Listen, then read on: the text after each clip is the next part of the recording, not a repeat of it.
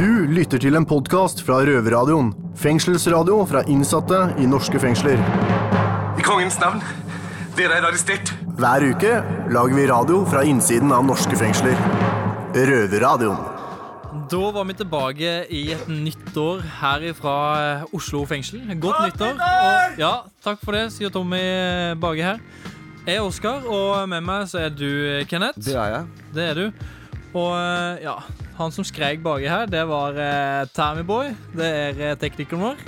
Han vil òg ønske du der hjemme et godt nyttår. Kenneth, har du gjort noe spes i dag, eller? Ja, det, For dere som ikke kjenner meg, så er jeg veldig morgenmenneske. Eh, Jeg er våken lenge før de lukker opp den celledøra, og når de begynner å nærme seg tida, så står jeg utafor celledøra og tripper, og det var en som ikke var så veldig vant til det i dag til av betjentene, som skvatt noe helt jævlig og måtte hoppe en meter unna den døra. Det syns jeg var jævlig festlig. Så takk til deg for morgenunderholdninga, til deg det gjelder. Så du har drevet litt med røverstreker, du? Nei. Men uh, i hvert fall uh, borte på Bredtvet kvinnefengsel, der har jo de, de her damene drevet med noe litt spesielt. Noe. De har uh, drevet og skrevet litt på lapper og sånt om uh, hvilken nyttårsforsett de har. Og så skal vi da få høre om hvordan disse her var i forhold til den vanlige mann eller dame i gata. Ja, og dagens høydepunkt er selvfølgelig når vi får eh, streiteste mannen i gata på besøk, nemlig Aps leder Jonas Gahr Støre. Kommer da innom i løpet av dagen. Det kan bli veldig spennende. Altså Han er i hvert fall den streiteste fyren som har vært på eh, bookinglista her i Røverradioen i løpet av min tid. i hvert fall Ja, og jeg tror du skal ha mye til å gjøre for å toppe det også. Gjeld er jo et stort problem for eh, veldig mange i fengsel. Og eh, i dag skal vi òg få besøk av en fra Røde Kors, som skal fortelle litt om hva man gjør, hvor man starter, og hvordan man kan fikse opp mm, i gjelda si. Rett og slett. Har du noen kommentar på det? Nei. Nei. Nei, syns jeg ikke. La oss bare komme i gang nå. Det er. Ja, vi må det, må det, må det. Nå er det jo 2017, og ut dette året her så blir det et nytt show hver uke med vår kriminelle lille twist. Og det må du bare få spist opp. Og eh, ja vi, Disse sendingene her det er jo ikke akkurat noe vanlig eh, radio. Det er jo sendinger med masse krutt i. Og øh, noen andre det er masse krutt i. Det er denne frøkenen her. Nå kommer Missy Elliot med Get Your Freak On. Mississippi putting it down. I'm the hottest. Røverradioen. Glem kjedelige nyheter fra NRK, TV 2, B4 og VG. Det her er fengslende nyheter. Må jeg få lov til å be om en mer profesjonell, eksplosiv holdning til tingene, takk? Da ønsker jeg velkommen til Fengslende nyheter her fra Oslo fengsel. Jeg heter Kenneth, og med meg har jeg Oskar. God dag. God dag, Oskar. Eh, Kan ikke du fortelle om første nyheten ut i dag? Jo, eh, nå har vi jo eh, endelig fått tilbake to etterlengta, kanskje ikke så etterlengta kanaler. Fem og Vox er tilbake på TV-guiden, så nå er det bare å begynne å se på Unge mødre og sånt igjen. Og nå har vi jo totalt nei, 15 kanaler her i fengselet. Ja, det er sikkert mange som gleder seg over det. Eh, Da tar vi en tur over til damene på Bredtvet. Bredtvet kvinnefengsel har nå fått en ny fengselstruse. Ved innkomst får man ikke lov til å ha egne klær. Dette gjelder også undertøy. Du får derfor utdelt klær av fengselet.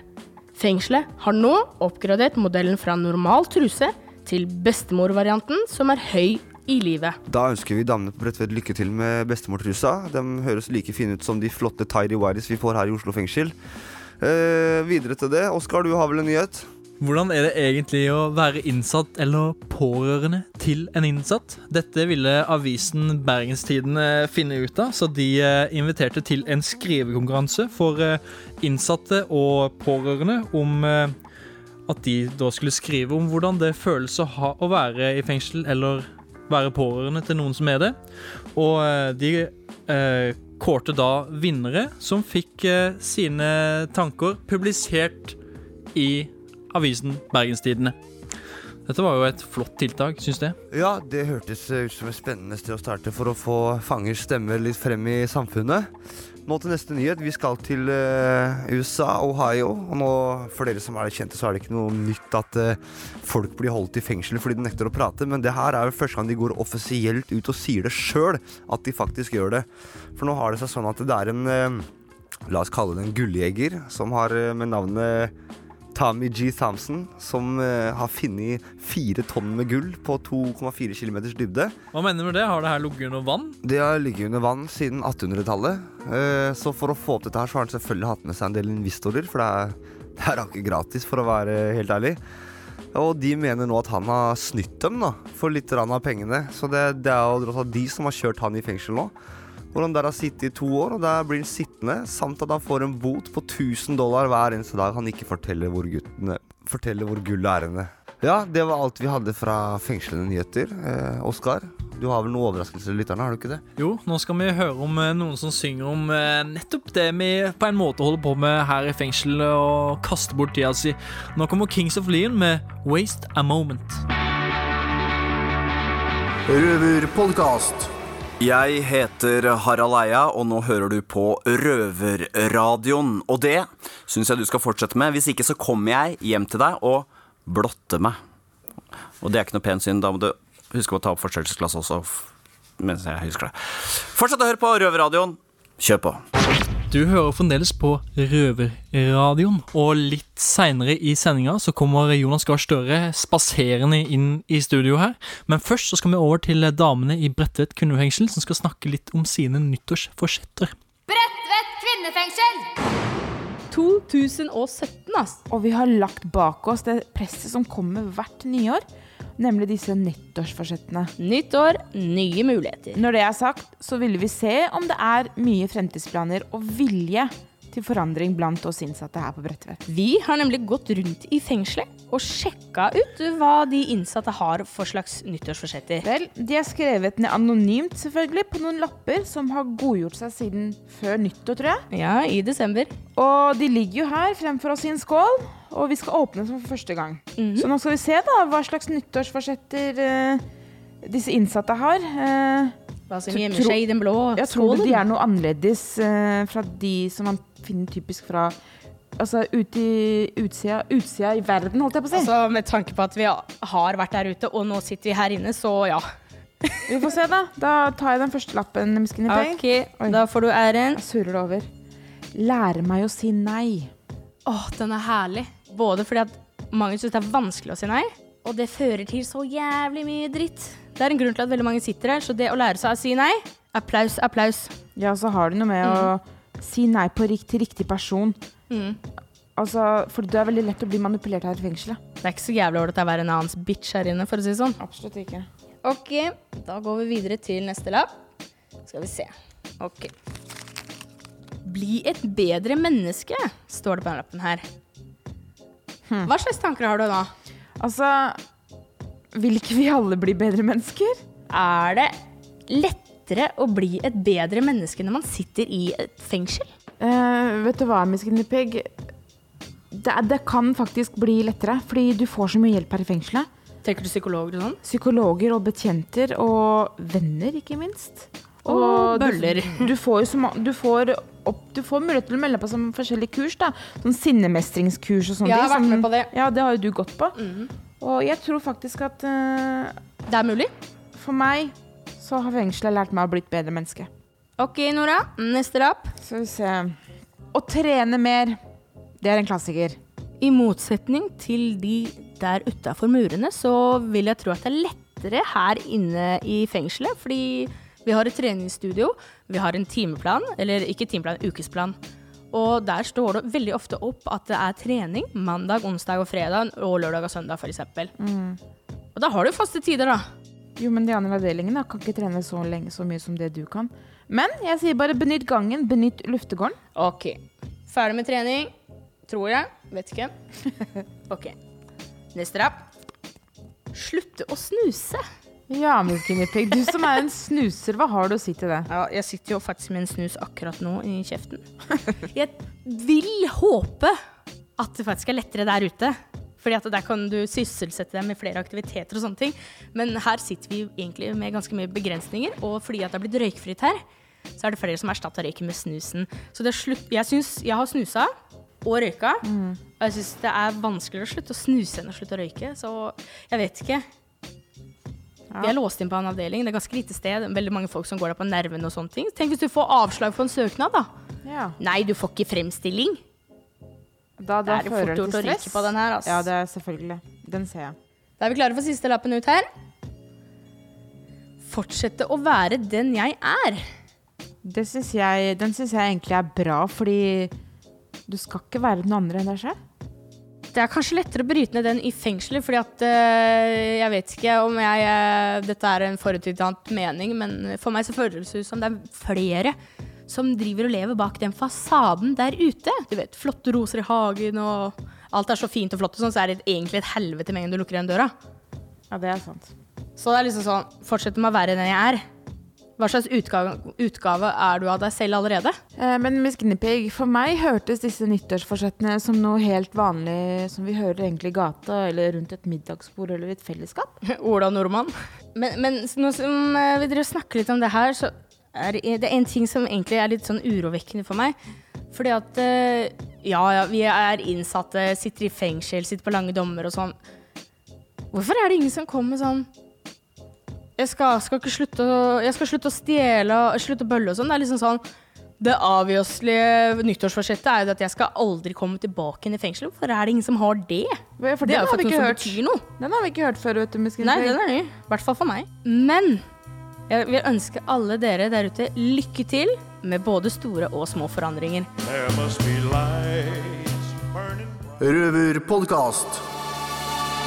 Her fikk du høre If I Can Dream med Elvis Presley, The King of Rock. Nå skal vi høre litt fra en annen kar som gjerne vil bli konge, men på Stortinget.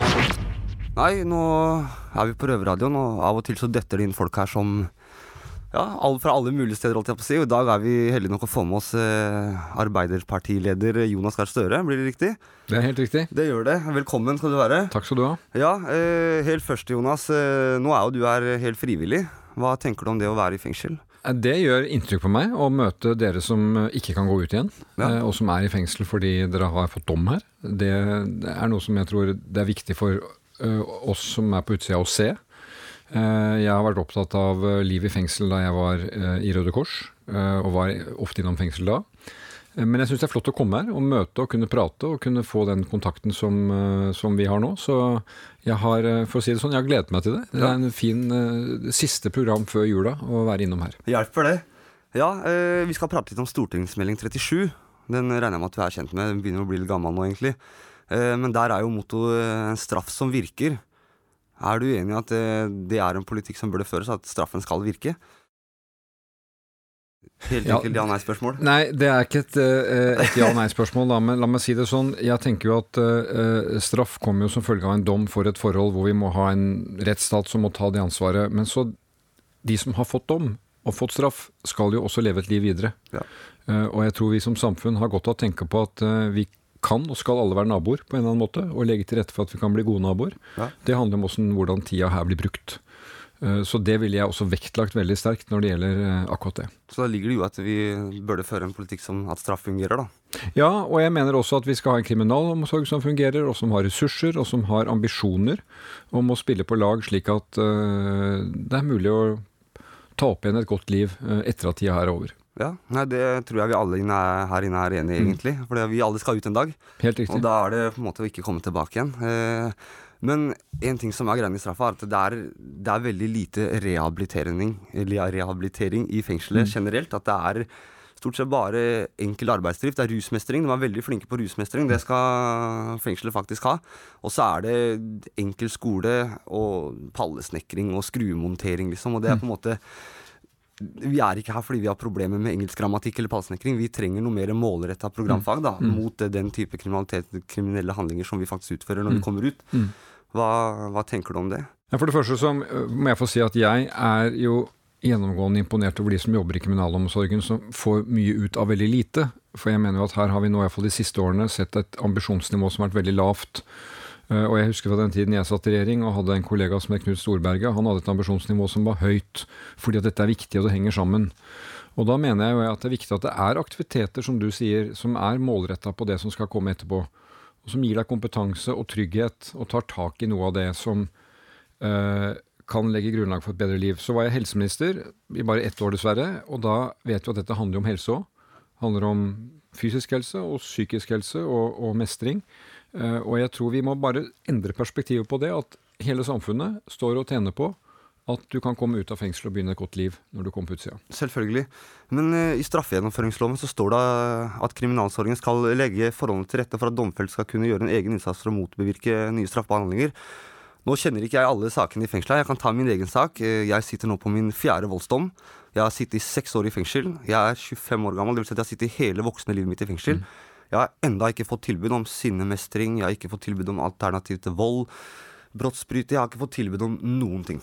Hvorfor, hvor er disse her? Hvem sitt ansvar er det for at jeg skal få disse kursene som faktisk er lovpålagte? da? Nei, altså, jeg må svare deg bare veldig ærlig og direkte at det mener jeg er helt feil at ikke du har fått, eh, og at det handler egentlig om ressurser. At det er ressurser som er prioritert avsatt til at du kan få den oppfølgingen du trenger. Så kan du ha en annen eh, kamerat her som har andre behov. Vi har alle forskjellige behov, enten vi er inne i fengsel eller utenfor fengsel, men at du får tilbud som er tilpasset de behovene du har. Og jeg syns jo det er flott at du sier det som du gjør. Du setter jo navn på det som du trenger, og det viser vel at du også er motivert for det. Selvfølgelig. Og da er det en eh, tapt mulighet at ikke du får det til tilbudet, vil jeg si. Ja, det er, men hvem, hvem- sitt ansvar er det å følge opp at dette her det er de som sitter med det politiske ansvaret. Ja. Det er stortingsflertallet som vedtar budsjettene, Ja. eh, og som vedtar linjene. Det, det, det er sånn det henger sammen. Okay, ja. Nei, og det er, jeg- det, er det gale flertallet i dag, kan du vite, og det er jeg opptatt av å bytte ut. Ja, for jeg, jeg har lest uh, Stortingsmelding 37. Mm. Uh, jeg er veldig opptatt av uh, akkurat det der med fengsel og lov og litt sånt Ja. jeg synes nå, den, nå begynner den å bli ganske gammel, så Mm. Jeg tenker hva skjer liksom? Hvorfor, hvor blir det alt som står i den Solismen 37? Nei, altså, vi, eh, jeg kan være sikker på at eh, hvis vi vinner valg, så skal vi lage en ny stortingsmelding som setter opp ambisjonene våre for dette. Eh, og det tror vi veldig sterkt på. og vi tror det er mulig å formulere det, si det på en måte slik at alle egentlig nikker til det og ser betydningen av det. At du skal ut herfra, og når du kommer ut, så vil jeg ha deg som nabo og en trygg nabo. Og du kan frykte, slippe å frykte det at du skal kunne ty til volden igjen, og jeg skal ikke være redd for deg for vold. Det er en felles interesse du og jeg har, og det må vi bare finne ut av. Ja. Nei, eh, nå har vi helt avslutningsvis her eh, at høy bemanning av personer som har god fagkunnskap, er essensielt for å sikre rehabilitering av oss innsatte. Hvordan vil dere jobbe for å øke bemanningen i disse norske fengslene? Nei, Det handler både om ressursene vi bevilger og ressursene vi bruker. Vi har jo ment det at framfor å bruke masse ressurser på fengsel i utlandet, så burde vi få bedre kapasitet og kvalitet på ressursene på fengslene i Norge. Ja. Så dette handler om, igjen, det er ikke bare spørsmål om hva du bevilger av penger, men også hvordan du bevilger penger, eh, og hvordan du satser på kvalitet. Ja, eh, Men Jonas, du får ikke dra helt enda. Vi skal snakke litt mer med deg om hvordan, dere, hvordan kriminalomsorgen og dere i Arbeiderpartiet ønsker for fremtiden. Men først skal vi høre noen damer fra nummer fire synge om det rare landet vårt. Låta 'Lite land'. Ja. Lite og stort. Lite og stort. Lite og stort, beklager. Du, det, det, er, altså skal jeg si, det er en veldig, veldig fin låt, og de jentene kjenner jeg. De er veldig bra. Jeg er litt fan av dem, så det er veldig kult at du har valgt dem eh, i programmet med meg. Ja. Det er ikke gærent, bare det. Bredt og smalt og langt og kort. Lite og stort er Røverpodkast. Ja, Vi er tilbake med fengslende lydfrekvenser her fra Røverradioen med meg, Oskar. Og i dag så har vi med oss Arbeiderpartiets egen leder, Jonas Gahr Støre. Og først så tar vi et spørsmål fra damene på Bredtvet kvinnefengsel. Vi kvinnelige innsatte har ikke de samme rettighetene som menn. Dette gjelder alt fra innhold i fengselet, utdanningsmuligheter, til hjelp når man kommer ut. For eksempel så har man i Stavanger fengsel, som er både for kvinner og menn, et rusmestringstilbud som kun er for de mannlige innsatte. Burde ikke likestillingen gjelde alle deler av samfunnet, og kanskje spesielt de delene av samfunnet hvor det er staten som styrer hvordan forholdene skal være? Det spørsmålet syns jeg var veldig godt, og svaret gir seg selv. Det er veldig enkelt. Svaret er ja. Slik burde det være. Eh, Og jeg har lest og hørt litt om det som kvinnelige innsatte sier om sine betingelser. Og det er et helt opplagt tema å ta tak i. Hvordan vil norsk kriminalomsorg se ut med Arbeiderpartiet i styringa sammenligna med hvordan det er i dag? Og Jonas, jeg vet at eh, du er politiker, men det er veldig fint hvis du kan holde svaret litt eh, korte og effektive. Ja, altså Da vil jeg si det litt sånn overordnet, da. Vi tror at god kriminalomsorg er viktig for alle. Dvs. Si spesielt for de som er innsatt og skal ut. Og for de som er på utsida og skal bli naboer med de som kommer ut og skal komme i gang med livet sitt. Og Derfor så vil vi eh, gå gjennom kriminalomsorgen. Vi har fremmet forslag i Stortinget når vi har vært utenfor regjering. Om vi kommer i regjering, så vil vi vise at vi satser på det på hele justisfeltet. Fordi at det er et viktig del av menneskeverdet å se også mulighetene mennesker har eh, under soning og etter soning. Og vi kan gjøre det til en større grad av et fellesskapsansvar, fordi at vi faktisk er alle tjent med at det går godt med oss når vi er ute i samfunnet. Og da handler det om aktivitet, helse og mulighet til å forberede det livet som kommer etterpå. Røverradioen den er jo laga av innsatte. Hva tenker du om at innsatte får ytre seg? Jeg syns Røverradioen er et strålende eksempel. Det er en meningsfull aktivitet. Dere lager ting som andre kan uh, høre på. Uh, og når du sier ytring, så tenker jeg at uh, ja, ytringsfriheten gjelder både innenfor og utenfor murene. Og det er dere et eksempel på. Er det noe du har lyst til å spørre oss om? Ja, det er egentlig veldig mye. fordi at Og jeg skal ikke ta alt her nå, men for oss som ikke har sittet inne, så er jo det det vanlige spørsmålet hvordan er det? Hvordan er hverdagene? Hvordan er det å oppleve at du har så sterke begrensninger som det er? Uh, og hvordan uh, tenker du og motiverer du deg på det som skal komme etterpå? Hvordan kan du bruke tida her til det som kommer etterpå? Det tror jeg er hovedspørsmålene. Og så tenker jeg på det, uh, det som må være veldig tungt, da. som jeg tror vi alle kan leve oss inn i. Å være avskåret fra sine kjære. enten det er familie, egne barn, kjærester og samfunnet på utsida. Ja, det er ikke eh, lett å gi kort svar på det, tror jeg. Nei, men eh, altså, jeg, jeg, holder, jeg er på, på Stifinneren, og der vet jeg at du har vært, eh, blant annet. Og der er det jo litt Der jobber man jo litt annerledes enn ellers i fengselet. Der jobber man jo med For min del så er det rusen da, som er problemet mm. som har gjort at jeg havna i fengsel. Mm. Og Derfor har jeg jobba med det, mm. og jeg, har, jeg skal videre i Tyrili mm. etter, etter jeg har vært i fengsel. Og jeg har på en måte en plan på det. Og det er jo å ikke ha kontakt med spesielt familie og sånt, det er tungt, det. Men øh, Men øh, Ja, det, det, er en del av straffa, da. Mm. Det er det. Det er sånn det bare må være. Hvor, lang, hvor lenge skal du være her, da? Jeg har, øh, jeg har to år og sju måneders dom. Mm. Jeg har to tredjedels tid reiser i Eller to tredjedels tid i august mm. neste år. Mm. I hvert fall. Men før vi slipper deg, Jonas, så vil vi gjerne ha et lite valgløfte fra deg. Om Arbeiderpartiet kommer til makta i 2017, kan du da sikre midler slik at de innsatte får den hjelpa de faktisk eh, har blitt lova gjennom stortingsmelding 37? Ja, vi må ha ambisjoner å følge opp de løftene som er gitt når vi eh, har eh, engasjert oss for kriminalomsorgen. Så tror jeg vi alltid vil oppleve at noen peker på at her er det mangler, bygninger er gamle, nedslitte, tilbudene er ikke som de burde være sett fra den som er innsatt. Men vi vil ha større ambisjoner i kriminalomsorgen enn vi har i dag, og da håper jeg at vi kan levere på det løftet. Helt til slutt, da. Når din kollega Haja Tajik var på besøk her i Røverradioen, så ønska hun seg 'Fuck the Police', og nå er det din tur. Du skal også få en ønskelåt. Hvilken uh, låt har du lyst til å høre? Ja, jeg tror jeg vil la Hadia uh, stå for uh, for sitt valg. men vet du hva, da tar jeg Nå hørte vi nummer fire i sted. Da tar vi en ny låt med nummer fire, og den heter 'Låst'. Ah, okay. Uh, og den kan jo passe litt innenfor noe av det dere erfarer her. Og med det så sier vi tusen takk til du, eh, leder i Arbeiderpartiet, Jonas Gahr Støre. Takk for meg.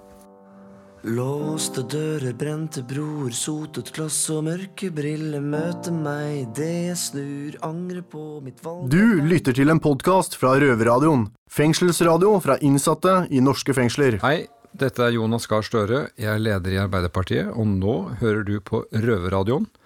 Det syns jeg er en veldig god idé. Og hvis du ikke fortsetter med det, så har jeg en trussel til deg, og det er at du må komme på Stortinget, og så må du steppe inn for meg i neste debatt eh, i, hva skal vi si, landbruksdebatten. Og holde et innlegg på ti minutter. Og så skal vi evaluere det sammen etterpå. Røverradioen. Jeg er Oskar, og med meg i studio da så har jeg Guro Sollien Eriksrud fra Røde Kors nettverk etter soning. Og eh, i Nettverk etter soning så hjelper dere vanligvis eh, kriminelle med å skaffe seg ikke-kriminelle eh, vennskaper. Så de som ønsker det, kan vende seg bort ifra det kriminelle livet som de har eh, levd. Men eh, nå så skal dere starte litt med å hjelpe med gjeld òg, for eh, oss som er kriminelle. Og hva vet dere om hvor mange innsatte som er i gjeld, og hva slags gjeld de sliter med? Det fins ikke så veldig mye forskning om det, dessverre, så jeg kan mest snakke fra erfaring. Og vi møter jo veldig mange eh, mot slutten av soning særlig, og etter løslatelse hos oss. Og der ser vi at det gjelder eh, de fleste, er vårt inntrykk. I hvert fall av de som bruker vårt tilbud, sliter med gjeldsproblematikk. Og særlig utbredt blant de som har hatt rusproblemer. Hva, hva skjer hvis jeg ikke betaler eh, regningene mine? Da havner de som regel hos et inkassoselskap. Og inkassoselskap lever jo av å drive inn penger, det er de eksperter på. Og det tar de seg ganske godt betalt for. Så det problemet for den som da ikke har betalt den regninga, er at den vokser seg mye større. Større og større. Og hvis man da ikke gjør noe med det mens man sitter inne heller, så kan det bli ganske ubehagelig den dagen man blir løslatt, og den posten oppsøker deg igjen da. Hvorfor, hvorfor er det så viktig å hjelpe innsatte med gjeldsproblemene deres? Ja, jo det er kjempeviktig, fordi vi ser at eh, det Hvis man ikke gjør noe med det, så kan det bli en på en måte dominobrikke som får alt det andre man har jobba med, eh, til å rakne, da. Hvis man f.eks. har jobba med å bli rusfri, så, og det blir innhenta det gjeldsproblemet, så kan det påvirke psyken såpass mye at det er lett å begynne å ruse seg igjen. Eller f.eks. fått seg en bolig, og så har man problemer med økonomi, betaler ikke husleie, så blir man kasta ut. Uh, og, og så videre, da. Og, det, og ikke minst jobb. De som har fått seg jobb, opplever det veldig demotiverende å få trekk fra lønna, for det er det som skjer hvis man ikke betaler gjelda si. Og da er det veldig fort gjort å havne tilbake i rus og kriminalitet. Og det er egentlig alt det det handler om hvorfor vi er opptatt av det, da. Fordi vi mener at det er lett å havne tilbake i gammelt mønster, da, hvis man ikke tar tak i det. Men er det egentlig riktig å hjelpe kriminelle som har brøt loven med å ta tak i gjeldsproblemene sine, når de i tillegg har satt seg i det problemet der sjøl? Ja, altså man kan jo godt si at man har eh, De fleste for så vidt skylder det sjøl, absolutt. Samtidig så skal man jo ut igjen fra fengsel. Det er et viktig prinsipp i Norge at man skal få en ny sjanse. Eh, og da mener jeg denne nye sjansen må være så reell som mulig, og det mener jeg at det for mange ikke er. Hvis man ikke får eh, hjelp med å prøve å ta tak i gjeldsproblemene sine og andre utfordringer man har, da. Jeg er Oskar, og eh, Guro eh, Sollien Eriksrud fra Røde Kors eh, nettverk etter soning er med meg. Vi er straks tilbake, men før det så får du Le Matre med eh, Stonage med hiten 'Playing to Lose'. I'm stumbling home again, I always have too much Røverpodkast. Jeg er Oskar, og med meg i studio så har jeg en uh, kvinne med et veldig fint smil. Guro uh, Sollien uh, Eriksrud. Og du er prosjektleder i Røde Kors nettverk etter soning. Og da starter vi med et du må, Nå kan du ta på deg headsetet. Så starter vi med et spørsmål fra kvinnene i Bredtvet kvinnefengsel. Er det noen forskjell på kvinnelige innsattes gjeldsproblemer og mannlige? Mm, godt spørsmål. Mye av det er ganske likt, vil jeg si. Uh, og nå er det jo sånn at vi, våre deltakere i Nettverket etter soning, er flest menn. Vi har også en del damer, men det betyr at det er litt vanskelig for meg å si sånn absolutt sånn er det for damer i forhold til menn. Men uh, jeg syns nok jeg ser mindre store erstatningskrav hos kvinner. Uh, det er kanskje den største forskjellen. En annen forskjell er mindre gjeld knytta til barnebidrag blant kvinner. Hva slags råd har dere til en som har regninger i alle retninger, men som ikke tør å ta tak i det fordi det er altfor mye? Hmm, det er veldig vanlig å ha den følelsen. Eh, det beste rådet jeg kan gi da, er vel kanskje å be noen om hjelp. Også eh, De, Dere, for eksempel? For eksempel. Mm, eller noen andre man stoler på. Fordi hvis det først har blitt sånn, så kan det være veldig vanskelig å komme i gang aleine. Det er ganske stor mental påkjenning å gå løs på konvolutter som har hopa seg opp over lang tid. Så de fleste trenger litt støtte da, i en sånn situasjon.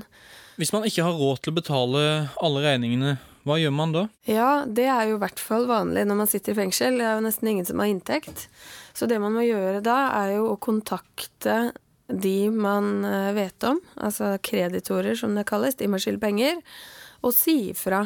Og gjerne dokumentere at jeg sitter i fengsel. Eh, Vi har jo laget et sånn opplæringsmateriale, og der ligger det bl.a. ferdig skrevne brev som man kan bruke. Og det som er eh, fordelen med å gjøre det sånn, er at man kan eh, i hvert fall langt på vei begrense hvor mye gjelda øker hvis man gir beskjed. Kan hvem som helst få seg en gjeldsordning? I hvert fall ikke når man selv måtte ønske det. Gjeldsordning er jo en sånn løsning som inkluderer alle kreditorer, og som regel så, eller alltid vil jeg vel si, ender den med at en del gjeld blir sletta. Og det er ganske strenge krav eh, knytta til det. F.eks. hvis man har masse ny gjeld, så vil man få avslag på gjeldsordning. Det sier seg egentlig sjøl, ellers så kunne alle gått bananas med kredittkort og så søkt gjeldsordning dagen etterpå. Så det er for å hindre sånn type misbruk. Fire av ti innsatte de har barn, og for de så er det jo ekstra viktig å få orden eh, på gjelda si for å unngå å miste om omsorgsretten for barna. Mm. Finnes det noen ekstra hjelpeordninger for eh, de? Ja, eller kanskje ikke direkte ekstra hjelpeordninger for den som er gjeld, men man har rett på å holde av penger til omsorg for barn før man betaler gjeld. Og det gjelder uansett hva slags gjeld, og uansett hvor mye gjeld. Så det er kjempeviktig å være klar over at omsorgsevne og betalingsevne er to helt forskjellige ting. Så det er fullstendig mulig å være nedsylta i gjeld og likevel ha god omsorg for barn. Og så gjelder det jo selvfølgelig å sjekke om Nav har eh, stønadsordninger for forsørgere. Det er det jo ofte. Vi skal ta en liten pause, men eh, bli på kanalen, så får du høre hvordan man kan håndtere uformell eh, gjeld eh, også. Det er viktig å ikke ta vann over hodet, men du må i hvert fall holde vannet under broa. Her får du Water Under the Bridge med alles kjære Adele. Røverradioen. Gjeld er et problem for mange av de rundt omkring i norske fengsler. Med meg i studio så har vi med oss en som er spesialist på eh, gjeldsarbeid. Guro Sollien Eriksrud. Dere tilbyr hjelp til håndtering av den hvite gjelda, men mange som soner har også sort gjeld, og der er det mye verre ting som kan skje enn eh, purringer og den type ting. da.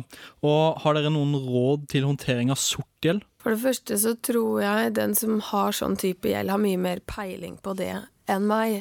Men eh, det jeg vet eh, noen har gjort, som jeg kjenner, som har det problemet, er jo at de har rett og slett lagd nedbetalingsavtaler eh, med den sorte gjelda, akkurat som man kan gjøre med konvoluttgjelda. Og valgt å da betale for harde livet på den svarte gjelda først. Eh, sånn at man kan konsentrere seg om det andre etterpå. Men det er klart at eh, de som har krav på deg ellers, kan jo også ha rett på inntekt hvis man, den dagen man får inntekt. Og det kan jo stikke kjepper i hjula for den nedbetalingsavtalen man har med den svarte gjelda. Så det der er ikke lett, altså. Hva slags hjelp kan dere tilby utover det som vi har snakka om til nå i dag? Eh, Vi har en del kurs i hverdagsøkonomi, f.eks. Det er det en del som kanskje syns høres litt sånn kjedelig ut, men eh, det er ekstremt viktig, fordi man kommer jo ikke noe vei med å rydde opp i gjeld hvis man ikke klarer å ha kontroll på pengene sine i dag, for da vil man jo få ny gjeld etter hvert. Så det vil jeg anbefale. Det har vi annet inne i en del fengsler. Og så anbefaler vi jo folk å gå sammen om å bruke det opplæringsmaterialet som vi har laget, da, blant annet en film. Eh, Og samarbeide og hjelpe hverandre, rett og slett, inne i fengslene. Og spørre kontaktbetjent og sosialkonsulent om hjelp hvis man trenger det. Og så er det viktig å være klar over at eh, alle har krav på å søke gjeldsrådgivning hos Nav. Men, eh, men hvordan, er det, hvordan er det man tar kontakt med dere? Eh, Jeg tror at de fleste, eller veldig mange ansatte i kriminalomsorgen, i hvert fall her i Oslo-området, kjenner til oss. Så da tenker jeg meg om å si ifra til sosialkonsulenten eller kontaktbetjent at man ønsker kontakt med oss. Vi pleier å ha brosjyrer rundt omkring.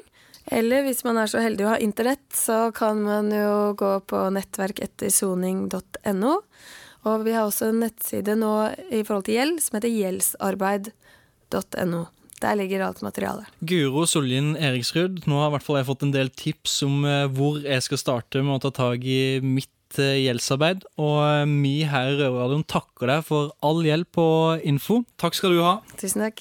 Røverradioen. Yes, Da nærmer det seg avslutning for en eh, fantastisk sending. Gjør det ikke det, Oskar? Jau, det gjør det. Ja, nei, I dag har vi hatt besøk av selveste Jonas Gahr Støre. Og jeg må si han, han var jo litt av en politiker. Hvordan var det å intervjue han, syns du, Oskar? Eh, Jo, Kenneth, eh, det var altså Det var eh, Det var helt greit å intervjue han. Det var faktisk veldig interessant. Men når jeg så alle de her bodyguards og alle de greiene der, da ble jeg litt småsvett i panna, kjente jeg. Ja, Du er ikke vant til å se sånne storheter ankomme med sine egne livvakter og greier? Nei. Nei. Nei, hva, hva har skjedd videre i dag?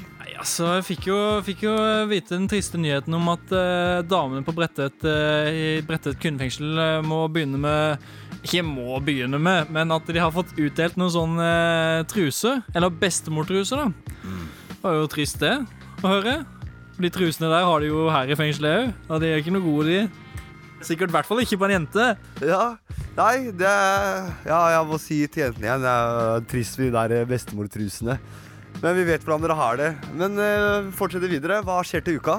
Altså da, eh, da kommer eh, Jon Haukeland, som har vært regissør for filmen 'Barneraneren'. Og det er jo, det er jo en film som På en måte en dokumentar, da. Om, om Som følger en av de her barneranerne. Som Som har drevet på litt. Med litt fant fanterier og sånt. Ja. Og da eh, skal vi liksom få sett en annen vinkling på det. da Og Vi så denne filmen, og vi skrev ned en del spørsmål òg. Og det er noe han skal få høre i det intervjuet som kommer. da Ja, det, Da kan jo folka der ute bare glede seg til det. Ja, Det blir bra. Det er da til neste uke på Radio Nova klokka seks på fredagen. Eh, hvis dere ikke klarer å vente så lenge, så fins vi både på Soundcloud, iTunes, eh, Facebook under navnet Røverradioen. Men det er ikke Røverradioen. Det er Røverradioen. Nei, vi- Røverradioen. Jo, Ja, er vi Røverradioen. faen i den grammatikkgreiene, så det er ikke så viktig. Den én, det er ikke noe røverrad... Er jo Nei, røverrad... Det der kommer du aldri til å finne ut av, Oskar. Bare la det være med Røverradioen. Røverrad- Røverrad- Det er ikke grammatisk korrekt. Det er det enkleste vi kan si. Røverradioen. Nei, det. Jeg skal på akupunktur igjen. Har ikke tid til å stå her og høre på det tullet her sånn. Nei, så nå avslutter vi og sier takk for i dag med Big Pimpen med J Motherfucking C. Men uh, vi må òg takke teknikeren vår, Tommy Tekniker, som er her i studio. Han ler baki her nå. Da kommer JC og Pimpen og eh, CQI, UKG, UG, UGK. Takk for i dag. Farvel i stugen. You know I thug them, fuck them, love them, leave them. cause I don't fucking need them. Take them out the hood, keep them looking good, but I don't fucking feed them. First time they fuss, I'm breezing. Du har akkurat hørt en podkast fra Røverradioen. Du hører oss hver fredag klokken 18.00 på Radio Nova og alltid på røverhuset.no.